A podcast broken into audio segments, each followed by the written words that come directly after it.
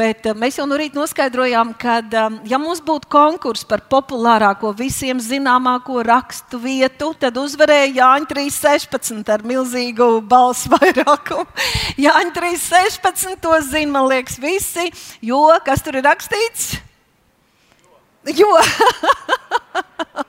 jo tik ļoti, tik ļoti Dievs mīlēja cilvēkus, mani un tevi mīlēja un mīl tik ļoti, tik ļoti mīlēja, ka viņš atdeva, tik ļoti mīlēja, ka atdeva savu vienīgo dēlu. Dievs ir trīsvienīgs. Atdeva sevi, citur ir teikts, viņš pats bija Kristū un salīdzināja pasauli ar sevi. Tik ļoti Dievs mīlēja, ka cilvēks izvēlējās iet prom, Dievs viņam bija devis brīvo gribu, un te pašā laikā viņš aizgāja pa priekšu, nodrošināja visu, lai ikvienam būtu iespējas tikt glābtam. Halleluja! Lai ik viens varētu dzirdēt evaņģēliju un tikt glābts. Un mūsdienās es dzirdu, ka jaunieši, kas nav piedzīvojuši Dievu, saka, nerunājiet par mīlestību. Es negribu mīlestību, nevajag filmas par mīlestību, nevajag dziesmas par mīlestību. Tas ir tik salkani, tik pliekani, tik gandrīz vai bezspēcīgi. Un jā, uh, tādā laikā dzīvojam. Tāpēc uh, šodien man, man, man vārdu gribējās nosaukt Tavas mīlestības uzvarēts, Tavas mīlestības atbruņots. Jo es gribētu runāt, un man ir milzīgi privilēģija, ka es drīkst runāt par debesu tēva, tēva mīlestību uz tevi, savu bērnu. Halleluja! Kad mēs uh, priecājamies par Jēzu, kad mēs uh, uh, atcaucamies uz šo Jāņa 3.16, mēs tur saredzam Jēzu, kurš nāca un nomira par maniem un taviem grēkiem, kurš nāca un taisnoja mūs, caur kura brūcēm mēs esam dziedināti. Mēs varētu runāt un runāt un runāt. Bībeles skolē es izdalu A4 lapu no abām pusēm, kur tikai ārā no raksturvietām, kas mēs esam Jēzu, kas mums dots Jēzu, kas mums pieder Jēzu, kāda mēs esam Jēzu. Wow! un ko viņš ir izdarījis priekš mums. Bet ar laiku, kad tu esi iepazinis Jēzu un sācis jau komunicēt ar Svēto garu, iepazinis Svētgara tuvumu, kurš atklāja Jēzu. Ka tu vari piedzīvot pestīšanu, jo svētais gars tev atklāja jēzu un, un, un, un atvēra vārdu. Tad kaut kas ar mikrofonu, kaut kāda skaņa. Ja? Ne? Tad pienāk brīdis, kad ka tev vairāk un vairāk ir nepieciešamība. Vai teiksim tā, ka svētais gars un kungs Jēzus norāda uz vienu personu, trīsvienībā, un tas ir Dievu Tēvu. Un Jēzus, kad pēc savas augšām celšanās parādījās Marijai, tad viņš teica viņai, ej pie maniem mācekļiem un saki viņiem, es aizēju tagad pie sava dieva un jūsu dieva pie sava tēva un jūsu tēva. Jēzus nākšana pasaulē, Jēzus nāve un Jēzus augšām celšanās bija Dieva tēva plāns priekš mums. Un kad Jēzus staigāja pa zemi, viņš teica, es neko nedaru, neredzot tev to darām. Es neko nerunāju, nesakot, nerunājot to, ko tēvs saka. Un, kad mācekļi viņam teica, nu tad rādi mums tēvu, viņš teica, kā? Vai tad jūs nesat sapratuši, kas ir redzējis mani, kas ir redzējis man, dzirdējis mans vārds, redzējis mans darbus, nepārtraukt? Katru dienu, ik brīdi, no rīta līdz vakaram, es jums rādīju, kāds ir tēvs. Mans uzdevums bija parādīt tēvu, bet tad, kad viņš gāja uz nāvi, izciest nāvi mūsu vietā, satikties un izciest nāvi. Tad viņš izdarīja kaut ko vēl vairāk. Ne tikai parādīt, kāds ir tēvs, bet piepildīt tēva gribu un saraut grēka dēļ uzcelto sienu, kas šķīra mani un tevi no tēva.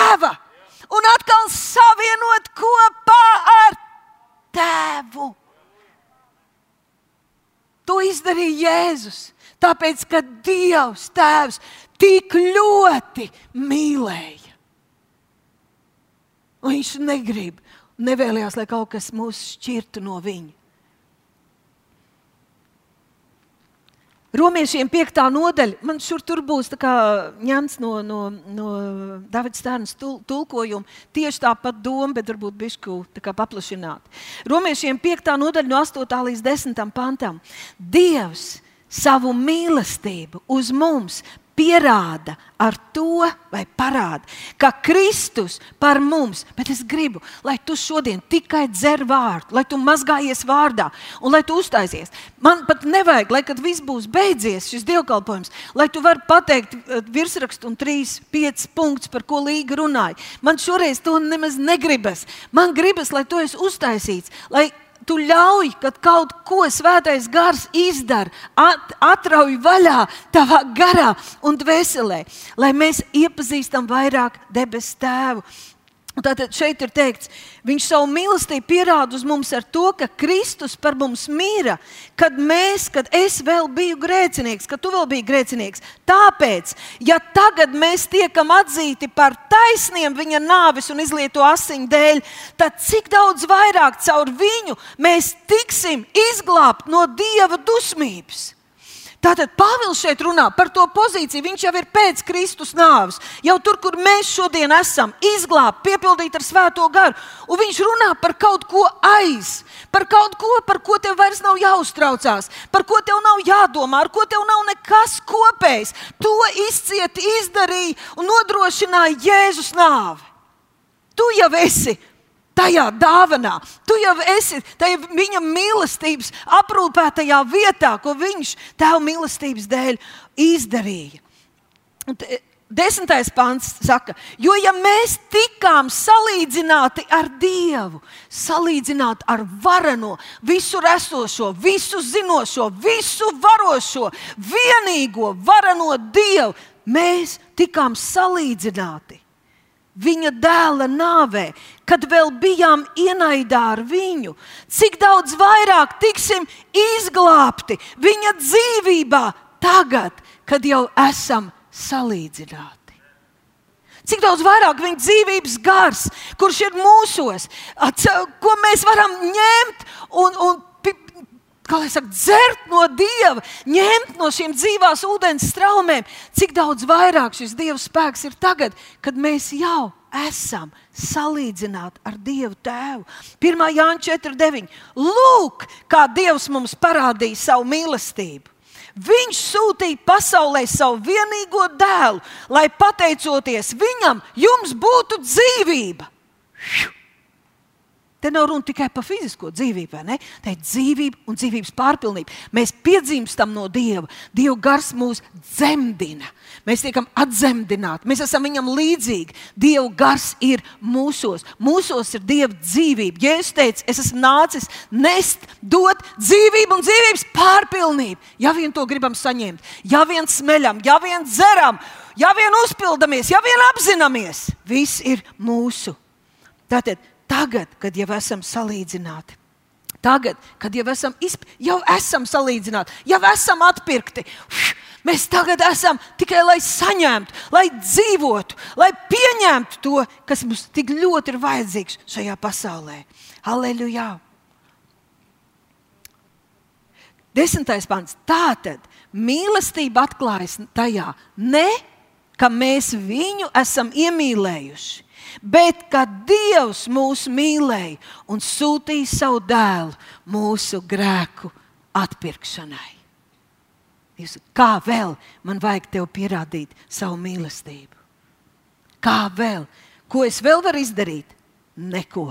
E, pilnīgā, galējā demonstrācija.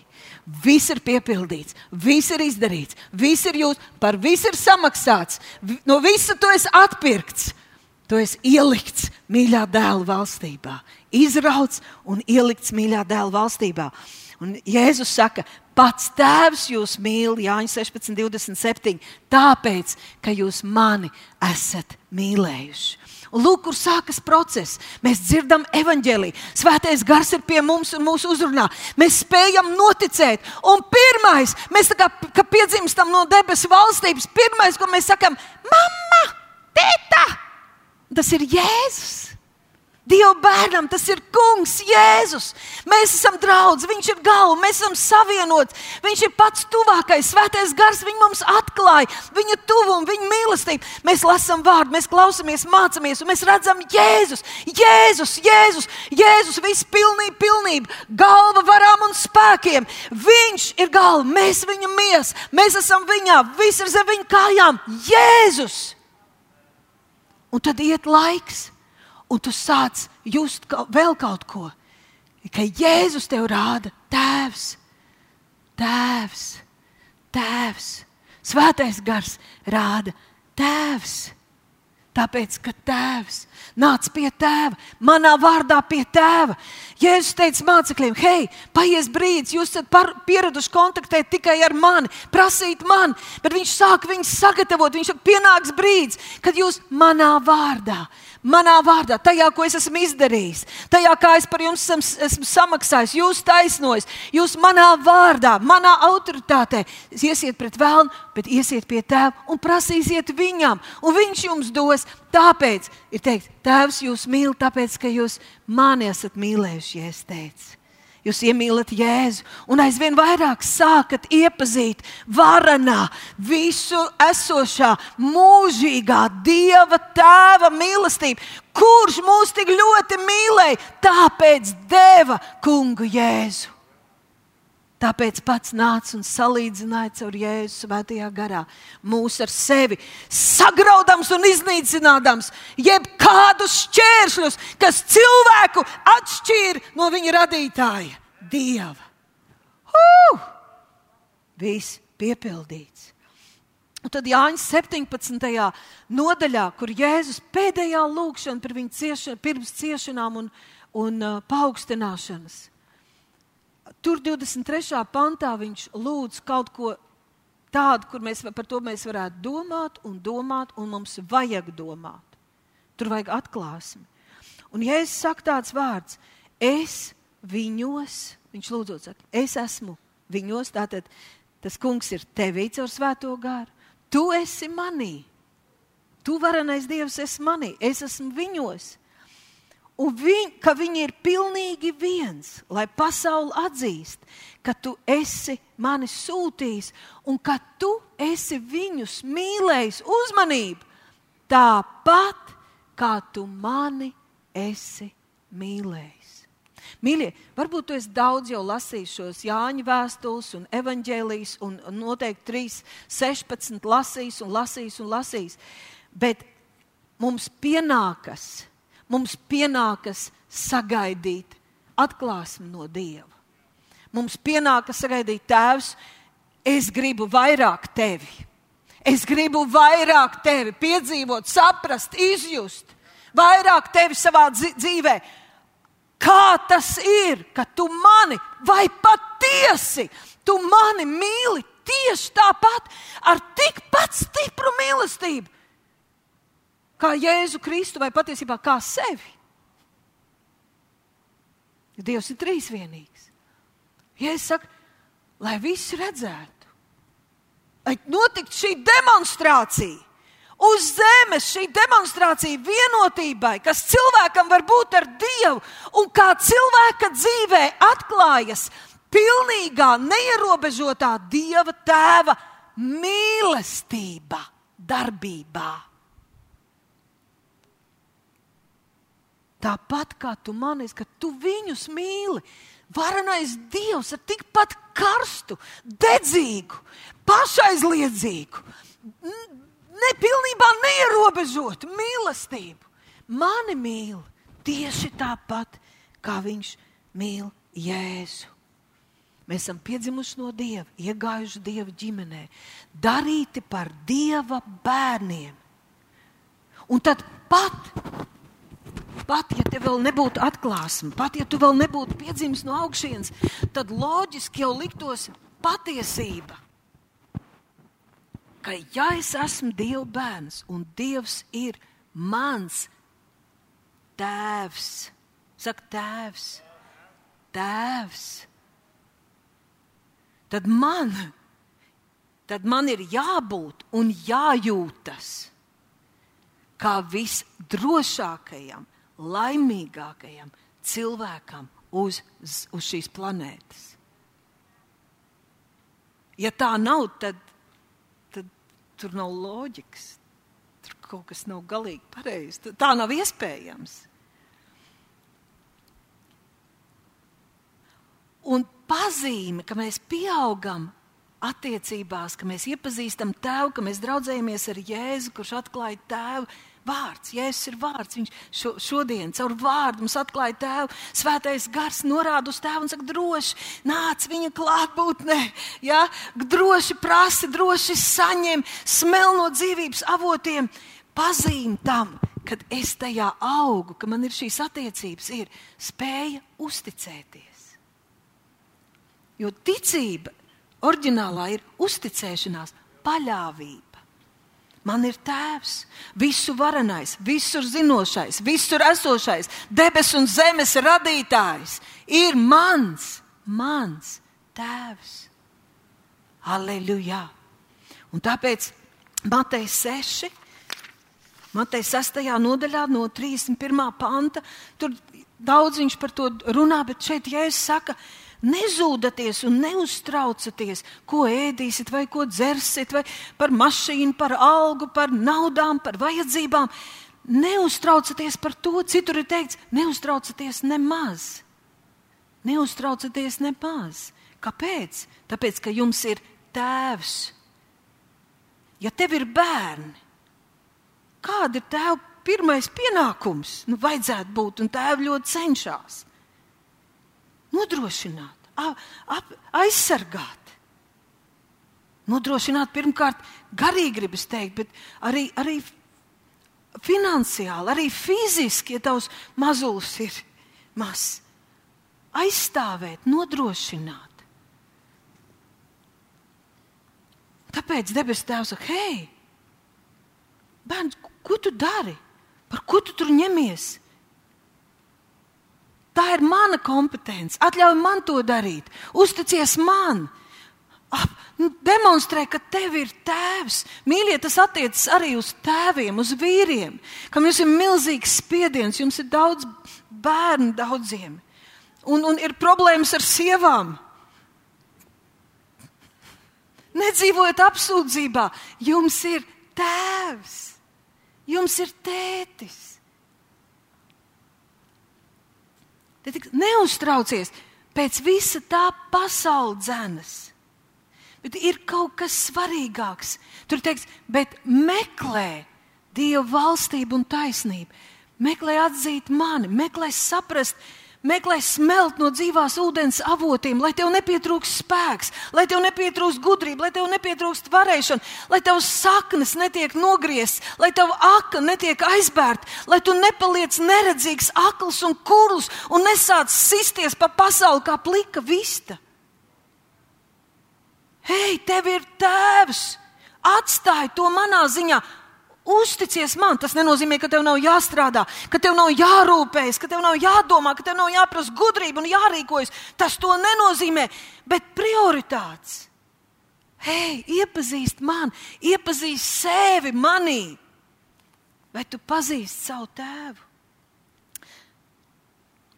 Tad jums viss lietas tiks piemestas. Man ir prieks tevi iepriecināt, man ir prieks par tevi parūpēties. Nāc pie manis, prasi man, es tev palīdzēšu, es gribu tevi iepriecināt.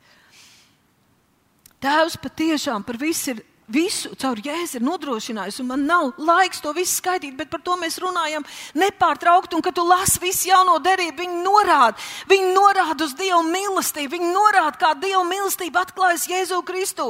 Dievs pazemojās, izciet, samaksāja, uzvarēja, attaisnoja, apģērba mūs ar spēku un nosēdināja. Jēzu Kristu pie Dieva labās rokas debesīs. Mēs esam izglābti, attaisnot, apdāvināti, nomazgāti, svēti darīt. Mēs esam darīti par Dieva. Tēva mantiniekiem un Jēzus Kristus līdz mantiniekiem. Dievvvārds saka, viss ir jūsu, nevis tev der.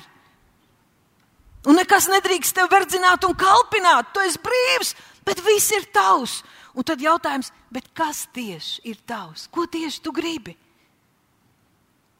Viss ir iespējams tam, kas tic. Kas tieši? Kam tieši tu tici?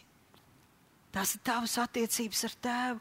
Tas kungs, kā tēvs, vēl vairāk. Viņš ne tikai nodrošināja, ne tikai iedeva desmit punktus un teica, tagad bērniņ, uzmanība, gatavība, starts! Un es tev gaidīšu tai pusē. Sārauj, sārauj, sārauj! Tev taču viss ir dots! Es esmu jums devis spēku, varat staigāt par čūskām, skarpiem un katram ienaidnieks spēkam. Jūs dabūsiet spēku, kad svētais gars nāks par jums un būsiet man liecinieks. Sārauj, sārauj! Nē, vēl vairāk. Viņš ir klātesošs. Klātesošs. Es esmu pie tevis ikdien, ik brīdi, līdz pasaules galam.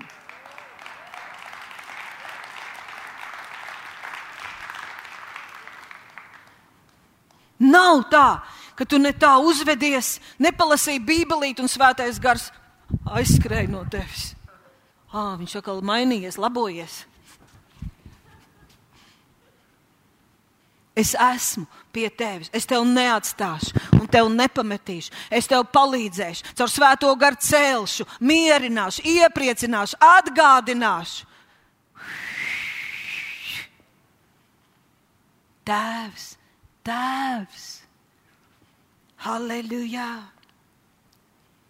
Es esmu ar jums, es esmu jūsos, es esmu ar tevi, es esmu tevī, tu esi manī, vai kaut kas vēl vairāk ir iespējams? Kas tev vai man vēl trūkst? Vai ir kaut kas, ko Jēzus būtu aizmirsis nodrošināt, vai Tēvs nodrošināt? Mūsu labklājībai, mūsu pieaugšanai Kristū? Vai ir kaut kas, kas mums vēl būtu ārpus Dieva, jāiet kaut kur meklēt, bičoties, tāpēc ka kaut ko Dievs mums aizliegtu vai nedotu?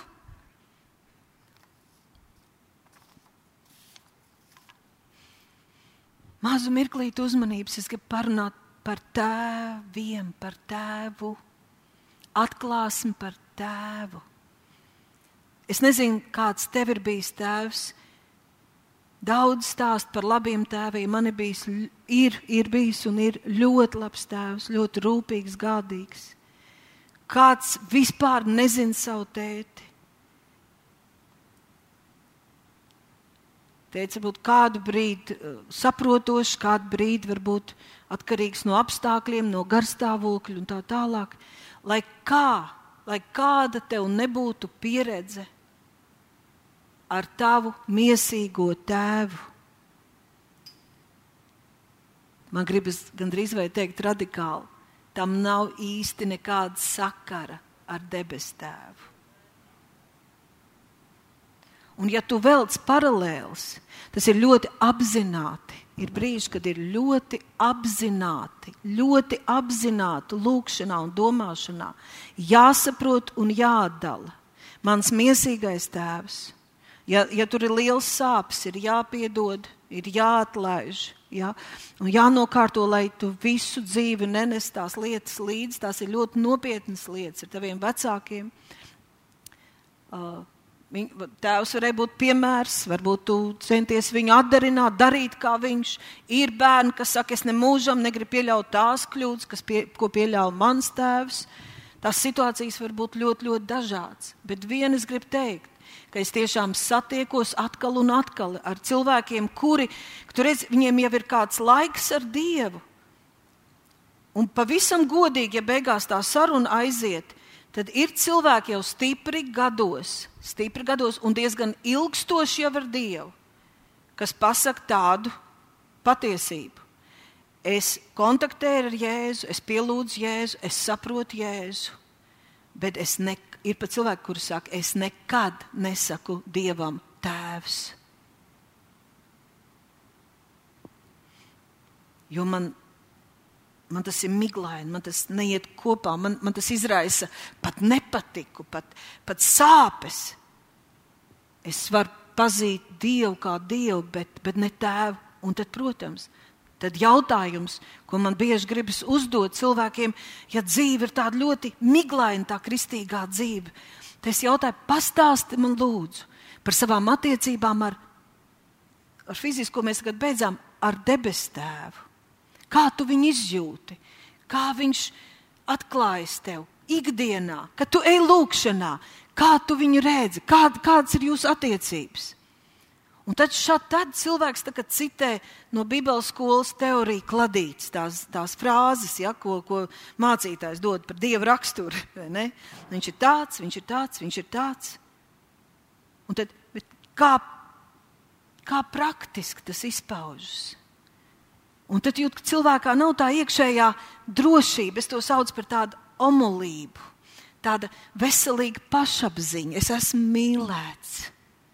Es esmu paša varenā Dieva, tēva bērns, mīlēts. Lai cik tev būtu bijuši labi, tev ir jāiepazīst varenais Dievs, Tēvs, savs garīgais Tēvs. Tev ir jāiepazīst.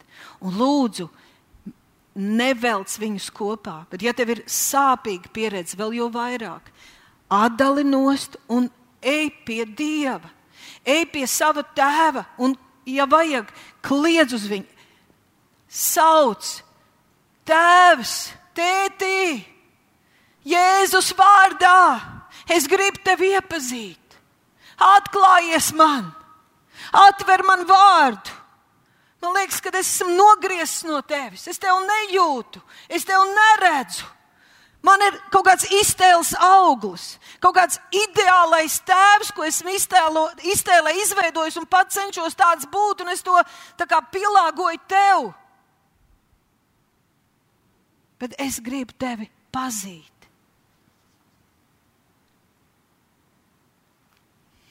Pēc kad Dievu tēvu nav iespējams ah, iepazīt ar intelektu, ar savu galviņu, lai cik tas prāts tev nebūtu attīstīts, nav iespējams iepazīt Dievu. Ar vislabāko iztēles spēju, ja tev tāda ir, nav iespējams iztēloties, izprast, kāds ir Dievs. Vienkārši uz zemes nav tādu vārdu un nav tādu piemēru, lai atklātu, kāds ir Dievs Tēvs, cik ļoti Viņš tieši tevi mīl. Un tas nav pieļaujami, ka Dieva bērni kalpo un cenšas un, un, un, un darbojas debesu valstībā. It kā jāmīlot Dievu, Dievu Tēvu, Dievu Dēlu, Dievu Svēto garu. Un tā pašā laikā ar tādām strutainām, vātainām dvēselītēm.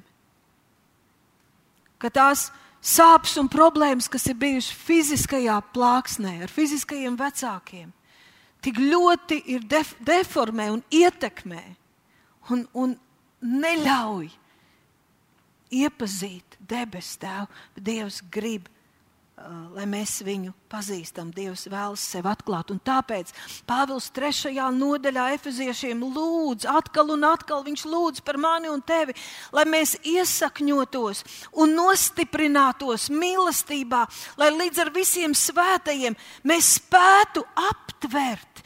Tā ir atklāsme, aptvert, saprast, atzīt Kristus mīlestības plašumu, garumu, augstumu, dziļumu Kaut gan tā ir pārāk par jebkuru atziņu. Tad mēs varētu domāt, nu jā, es par maz mīlu cilvēkus, es par maz dodu. Dievs atklāja man mīlestības plašumu, dziļumu, kā tu mīli pasauli, kā tu iežēlojies par sērdiņiem. Atklāja man, tad es vairāk evanģelizēšu, tad es vairāk kaut ko darīšu. Muļķības, zini, kas te ir teikts? Pāvils lūdz, lai caur svēto garu tu varētu iesakņoties un spētu aptvert, spētu atzīt to mīlestības dziļumu, plašumu, augstumu, pilnību, ar kādu viņš mīl tieši tevi. Tieši tevi. Lai tu atzīsti, saproti, ka viņš tieši tevis dēļ nāca, sūtīja. Tieši tevis dēļ iznīcināja grēku. Tieši tevis dēļ viss nodrošināja un nokārtoja, lai tieši tevi dabūtu atpakaļ savā mīlestībā. Un efeziešiem pirmajā Pāvils regulāri viņš saka, es atkal un atkal aizlūdzu, lai ievēro, kā viņš saka, lai mūsu kunga Jēzus Kristus Dievs un godības pilnais tēvs jums dotu gudru prātu, asu, labu atmiņu, gudrības un atklāsmes garu un apgaismot sirds acis, lai jūs saprastu kāda godības bagātība, lai jūs saprastu, kāda mīlestība. Tas ir tā kā iet citā dimensijā, tur nevar iet ar galvu. Tur nevar iet ar labiem piemēriem, tur nevar iet ar ideālu pieredzi. Tur durtiņas tad ir cieta, tur ieved gudrības un atklāsmes gars, tur ieved vēlme. Debes tēvs, mans tēti, tēvs, es gribu tevi pazīt. Un cik pārlieku ne, liels vai neierobežots ir viņa spēka mērs, kas darbojas mūsos, kad uzticamies viņam. Mēs nevaram uzticēties tam, kuru mēs nepazīstam. Un Dievs it kā pieprasa ticību, jo Viņš ir devis ticību. Ticība ir spēja uzticēties. Bet, lai uzticētos, ir jāpieņem patiesība, ka, kas, ko Dievs saka par sevi. Un viņš saka, es esmu pierādījis savu mīlestību uz tevi. Es to esmu pierādījis, un es to esmu izlējis tavā sirdī. Pieņem to. 1. korintiešiem 2,14. Es Pastāvēsimies tagad 1. korintiešiem 2. un 3. nodaļā. Tur Pāvils ir pie korintiešiem, un viņš tiem prātvēderiem, kas visu grib saprast ar prātu un salikt pa plauktiņiem. Viņš saka tā, miesīgais, dvēseliskais cilvēks to nevar satvert. Viņš to nevar pieņemt ir lietas, šīs garīgās lietas, ko ar prātu, mīsīgā un dvēseliskā daļa nevar otram izskaidrot. Lai kā es te sludinātu, ir lietas, ko es nevaru ieliet tavā sirdī. Vienīgi tad, ja tu šeit sēdi un tev sirds atsaucās, jā, tēvs, jā, kungs, ja man to vajag, tad kaut kas šeit zālē šobrīd notiek, un tā jau ir svētā gara kompetence. Halleluja! Viņš saka, to nespēja saptra, sap, satvert un, un pieņemt to, kas nāk no Dieva tēva gara. Jo viņam tas liekas ģeķīgs vai bezjēdzīgs, muļķīgs. Pastāst neticīgam cilvēkam par, par staigāšanu garā, par svētgaru klātbūtni. Viņš teiks, jāsauc psihene. Un Pāvils saka, ir lietas, ir galīgi, garīgas lietas, tu esi garīga būtne, tu esi piedzimis no augšas, tev ir kontakts ar Dievu, kurš ir gars. Ir lietas, kuras tu nevari izskaidrot, tu nevari nodot tās, kas nāk no Dieva. Jo garīgas lietas var saprast tikai ar garu. 15. pāns, bet garīgais cilvēks izdibina vai spēj izprast visu. Tā pašā laikā neviens viņu, viņa dziļums nevar izdibināt. Tu esi dziļa personība. Tev ir Jēzus Kristus, tu jau esi debesīs. Jo kurš ir atzīts tā kunga prātu, kurš viņam var dot padomu, bet mums taču ir Kristus prāts. Un turpat trešā nodaļa, pirmajā pantā, liekas, ka Pāvils rājās tur uz korintiešiem. Viņš saka, ar jums, brāļi, es nevarēju runāt kā ar garīgiem cilvēkiem. Kas ar jums notiek? Es braucu pie jums atkal ciemos, un es nevaru ar jums runāt kā ar garīgiem cilvēkiem bet kā ar zīdaiņiem. Jūs nepieaugat, jūs neēdat garīgo barību, jūs vēl joprojām esat zīdaiņi. Tas paliek bīstami, ja iet gadi. Kā ar mīsīgiem, pasaulīgiem cilvēkiem. Es jums devu pienu, nesmagu barību, jo jūs vēl nebijāt tai gatavi. Jūs nevarat to pieņemt. Un vēl joprojām nevarat. Jūs dzīvojat tikai prāta un sajūta līmenī tikai pieiet Dieva vārdam ar, ar galvu. Hei, tavs gars ir atdzīvojies, Jēzus ir tevī. Tu esi kaut kas vairāk pār galvu un smadzenēm. 3.18. turpat tālāk viņš saka, lai neviens sevi nepievīl. Ja kāds sevi iedomājas gudru esam, tad labāk, lai viņš kļūst par ģeķi vai par muļķi. Un tad viņš sāk saprast dieva gudrību, jo cilvēka gudrība dieva acīs ir muļķība. ir kaut kas mūžīgs, nemainīgs, pastāvošs, glābjošs. Un to var satvert cilvēks, kurš iepazīst Dievu, atzīst no Dieva, mīl Dievu un tiecas pēc Dieva. Viņš ir dzīves, viņš ir nomodā, viņam ir apetīte, viņš elpo. Un viņš tad normāli arī aug. Taisnība! Hū! Paldies Svētajam garam par viņu darbu pie mums. Kā attīstīt šīs attiecības ar tēvu? Divas lietas, pavisam vienkārši - ēst un dzert. Vai ēst, dzert un elpot. un pirmā man gribas teikt, nevis lūkšana šoreiz, bet šī gadījumā pielūkšana pielūgšana. Tās ir attiecības cilvēks, dievs. Lūgšana, mēs varbūt latvieši tā redzam, ka tas tā kā man kaut ko vajag un es prasu. Bet es gribētu runāt attiecības cilvēks, dievs, kad cilvēks aizmirst par sevi un sāk apbrīnot, sāk pielūgt, sāk iepazīt vareno Dievu svētajā garā. Tā ir pielūgšana. Un Jāņa 4. nodaļā, 23. pantā, Jēzus vēl nav miris, un viņš saka tā, bet stunda nāk, vai teiksim tā, laiks tuvojas, un patiesībā tas jau ir klāt, un mēs jau dzīvojam šai laikā, kad patiesie dievlūdzēji pielūgs tēvu garā un patiesībā. Vai teiksim tā, garīgi cilvēki kontaktēs garīgi un patiesi ar tēvu. Jo tēvs tādus meklē, kas viņu tā pielūdz. Dievs ir gars, un kas viņu pielūdz, tiem būs pielūgt, tiem būs komunicēt ar viņu. Tie sapratīs viņu, ka viņi no sirds un garīgi tuvosies un attieksies pret Dievu, attieksies pret viņu vārdu. Arī šodien, šeit, ja tu sēdi, ir atvērts sirdi, lai iepazītu tēvu, tu viņu pielūdzi. Tu esi aizmirsis par sevi, aizmirsis par mani, un tu vienkārši tēvs, es pieņemu tavu vārdu, runā uz mani, palīdzi man, es mīlu tevi. Tu viņu pielūdz. Kad tu lasi vārdu, tu vari lasīt ar savu galviņu, atķeksēt, izdarīt, izdarīts, izdarīts, es esmu kārtīgs kristietis, izdarīts, Dievs, nu kur ir tava palīdzība? Bet Dievs saka, tās ir attiecības. Es gribu, lai tu mani piedzīvo. Un šeit viņš nerunā par metodi. Dievs nesaka, pielūgt man nozīmē dziedāt lēnās dziesmas. Ātrās ir slavēšana. Pielūgt nenozīmē teikt, es tev pielūdzu, pielūdzu, pielūdzu, pielūdzu, pielūdzu, āmen. Cik minūtes jāpielūdz? Kas vēl jāsaka?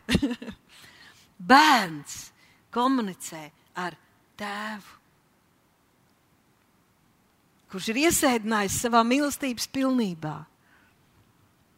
Viņš runā nevis par metodu, bet par pielūdzēju. Čak es meklēju tādus, kas patiesi un garīgi, patiesi un garīgi kontaktē ar mani. Jo es esmu atvēris jūsu sirds acis, garīgās ausis, esmu darījis jūsu dzīves. Hei, bērni, es esmu šeit! Tas kungs saka. Tur skraidi un raizējies, un rūpējies un uztraucies. Es esmu šeit. Un otrais ir viņa vārds. Vārds šodien, kad mēs baudām Jēzu, baudot vārdu. Un vārds ir tēva mīlestības vēsts, caur caurim. Tēva mīlestības vēsts mums. Tur viss ir mūsu. Un vārds nekad neapsūdz vārds glāb mūs no nāves. Tad, ja Dieva vārds kādreiz tevi uzrunā un tev paliek tā ne, nērti, un tev gribas vērciet bībelīt, vai atkal kaut ko darīt, un lūgt un mainīt savā dzīvē, tad tas nav tā, ka it kā tev ļoti gribētos ēst, un tēvs saka, fuj, met prom! Met prom! Tāpēc, ka viņam žēl to sviestmaizi. Bet tas ir tāpēc, ka tev rokā ir sūds saindēts. Un tad vārds saka, nedara to. Tev būs pašam nepatikšanas.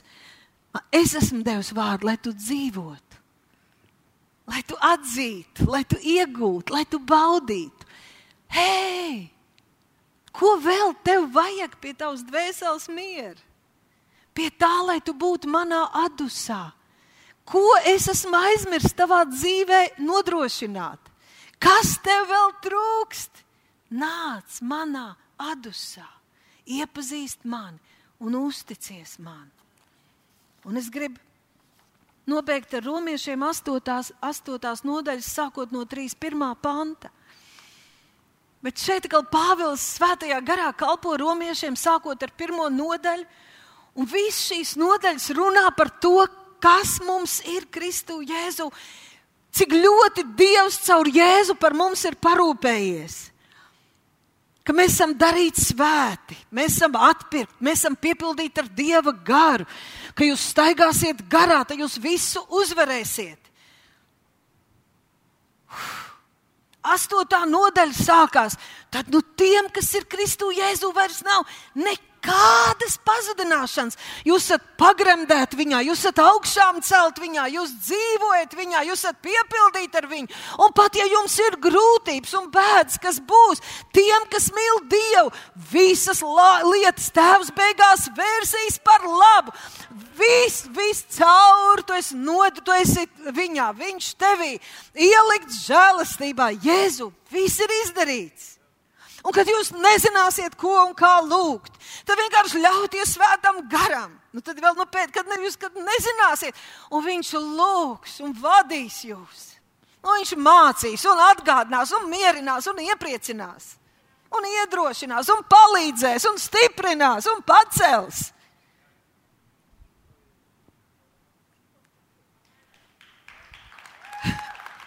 Jēzu! Un tad 31.